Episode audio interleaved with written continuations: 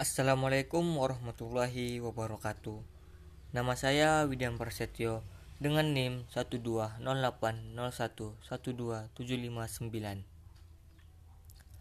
Saya mahasiswa dari Unsus Karyau.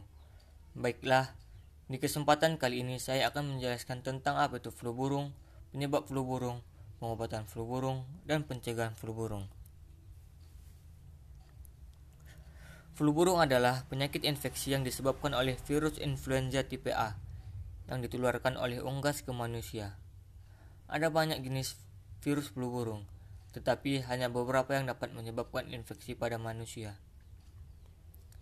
Flu burung pernah mewabah di Asia, Afrika, Timur Tengah, serta beberapa bagian Eropa, dan menyebabkan kematian pada sebagian penderitanya.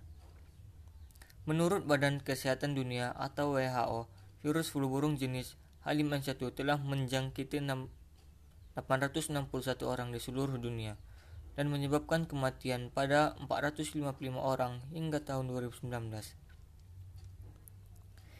Di Indonesia, kasus infeksi flu burung H5N1 pada manusia pertama kali muncul pada tahun 2005. Menurut data yang dirilis, Kementerian Kesehatan Republik Indonesia ada 200 laporan kasus dengan 168 kematian hingga tahun 2018.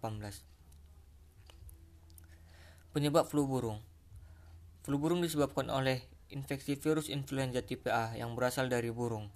Sebagian besar jenis flu burung hanya dapat menyerang dan menular pada unggas, baik unggas liar maupun unggas peternakan, seperti ayam, bebek, angsa, dan burung. Namun, ada beberapa jenis flu burung yang bisa menginfeksi manusia, yaitu H5N1, H5N6, H5N8, dan H7N9. Di tahun 2021, pemerintahan Cina juga melaporkan bahwa terdapat penularan virus flu burung jenis baru, yaitu jenis H10N3 Virus flu burung dapat menginfeksi manusia jika terjadi kontak langsung dengan unggas yang terinfeksi virus ini. Beberapa kondisi yang dapat meningkatkan risiko terinfeksi virus burung virus flu burung adalah menyentuh unggas yang terinfeksi, baik yang masih hidup ataupun sudah mati. Menyentuh kotoran, air liur, dan lendir dari unggas yang terinfeksi. Menghirup percikan cairan, saluran pernapasan yang mengandung virus Mengkonsumsi daging atau telur unggas terinfeksi yang mentah dan tidak matang penularan antara manusia diduga juga dapat terjadi, tetapi belum jelas mekanisme dan cara penularannya. Sekarang berisiko terinfeksi virus flu burung jika memiliki faktor-faktor berikut.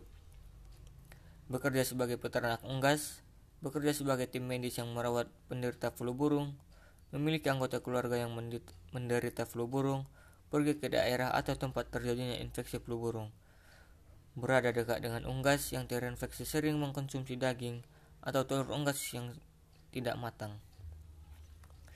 Berikut pengobatan flu burung.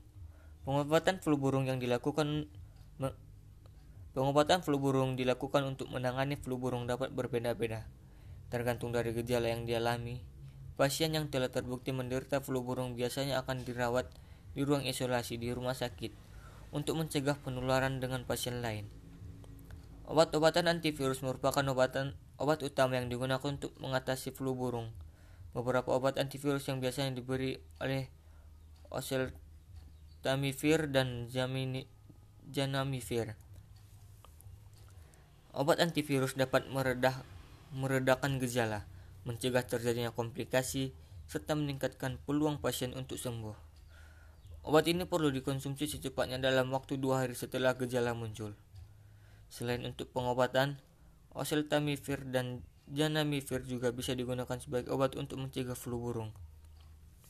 Oleh karena itu, obat ini terkadang diberi kepada orang yang melakukan kontak langsung dengan pasien, seperti para petugas medis yang mengenangani pasien serta anggota keluarga yang dan kerabat pasien. Jika pasien mengalami gangguan napas yang cukup parah, termasuk mengalami hipoksemia Dokter akan memasangkan alat bantu napas dan ventilator untuk membantu mengatasinya. Berikut pencegah flu burung. Cara terbaik yang dapat dilakukan untuk mencegah infeksi flu burung adalah dengan mencegah penularannya. Beberapa hal yang dapat dilakukan adalah menghindari kontak langsung dengan unggas, menghindari kontak langsung dengan sakit, menerapkan etika batuk, yaitu dengan menutup mulut dan hidung dengan tisu atau lipat siku saat batuk atau bersin. Menjaga kebersihan dan mencuci tangan secara rutin. Tidak menyentuh mata, hidung, dan mulut serta sebelum mencuci tangan. Tidak mengkonsumsi tidak mengkonsumsi daging atau telur unggas sebelum matang. Melakukan isolasi mandiri saat mandiri demam atau gejala flu yang ringan untuk mencegah penularan virus kepada orang-orang sekitar. Tidak mengunjungi daerah atau tempat terjadi wabah flu burung sampai saat ini belum ada vaksinasi yang spesifik untuk flu burung. Meskipun demikian, Anda dapat melakukan vaksinasi flu burung tahunan untuk menurunkan risiko terserang flu. Baiklah, cukup sekian yang dapat saya sampaikan. Kurang dan jangkalnya saya mohon maaf. Assalamualaikum warahmatullahi wabarakatuh.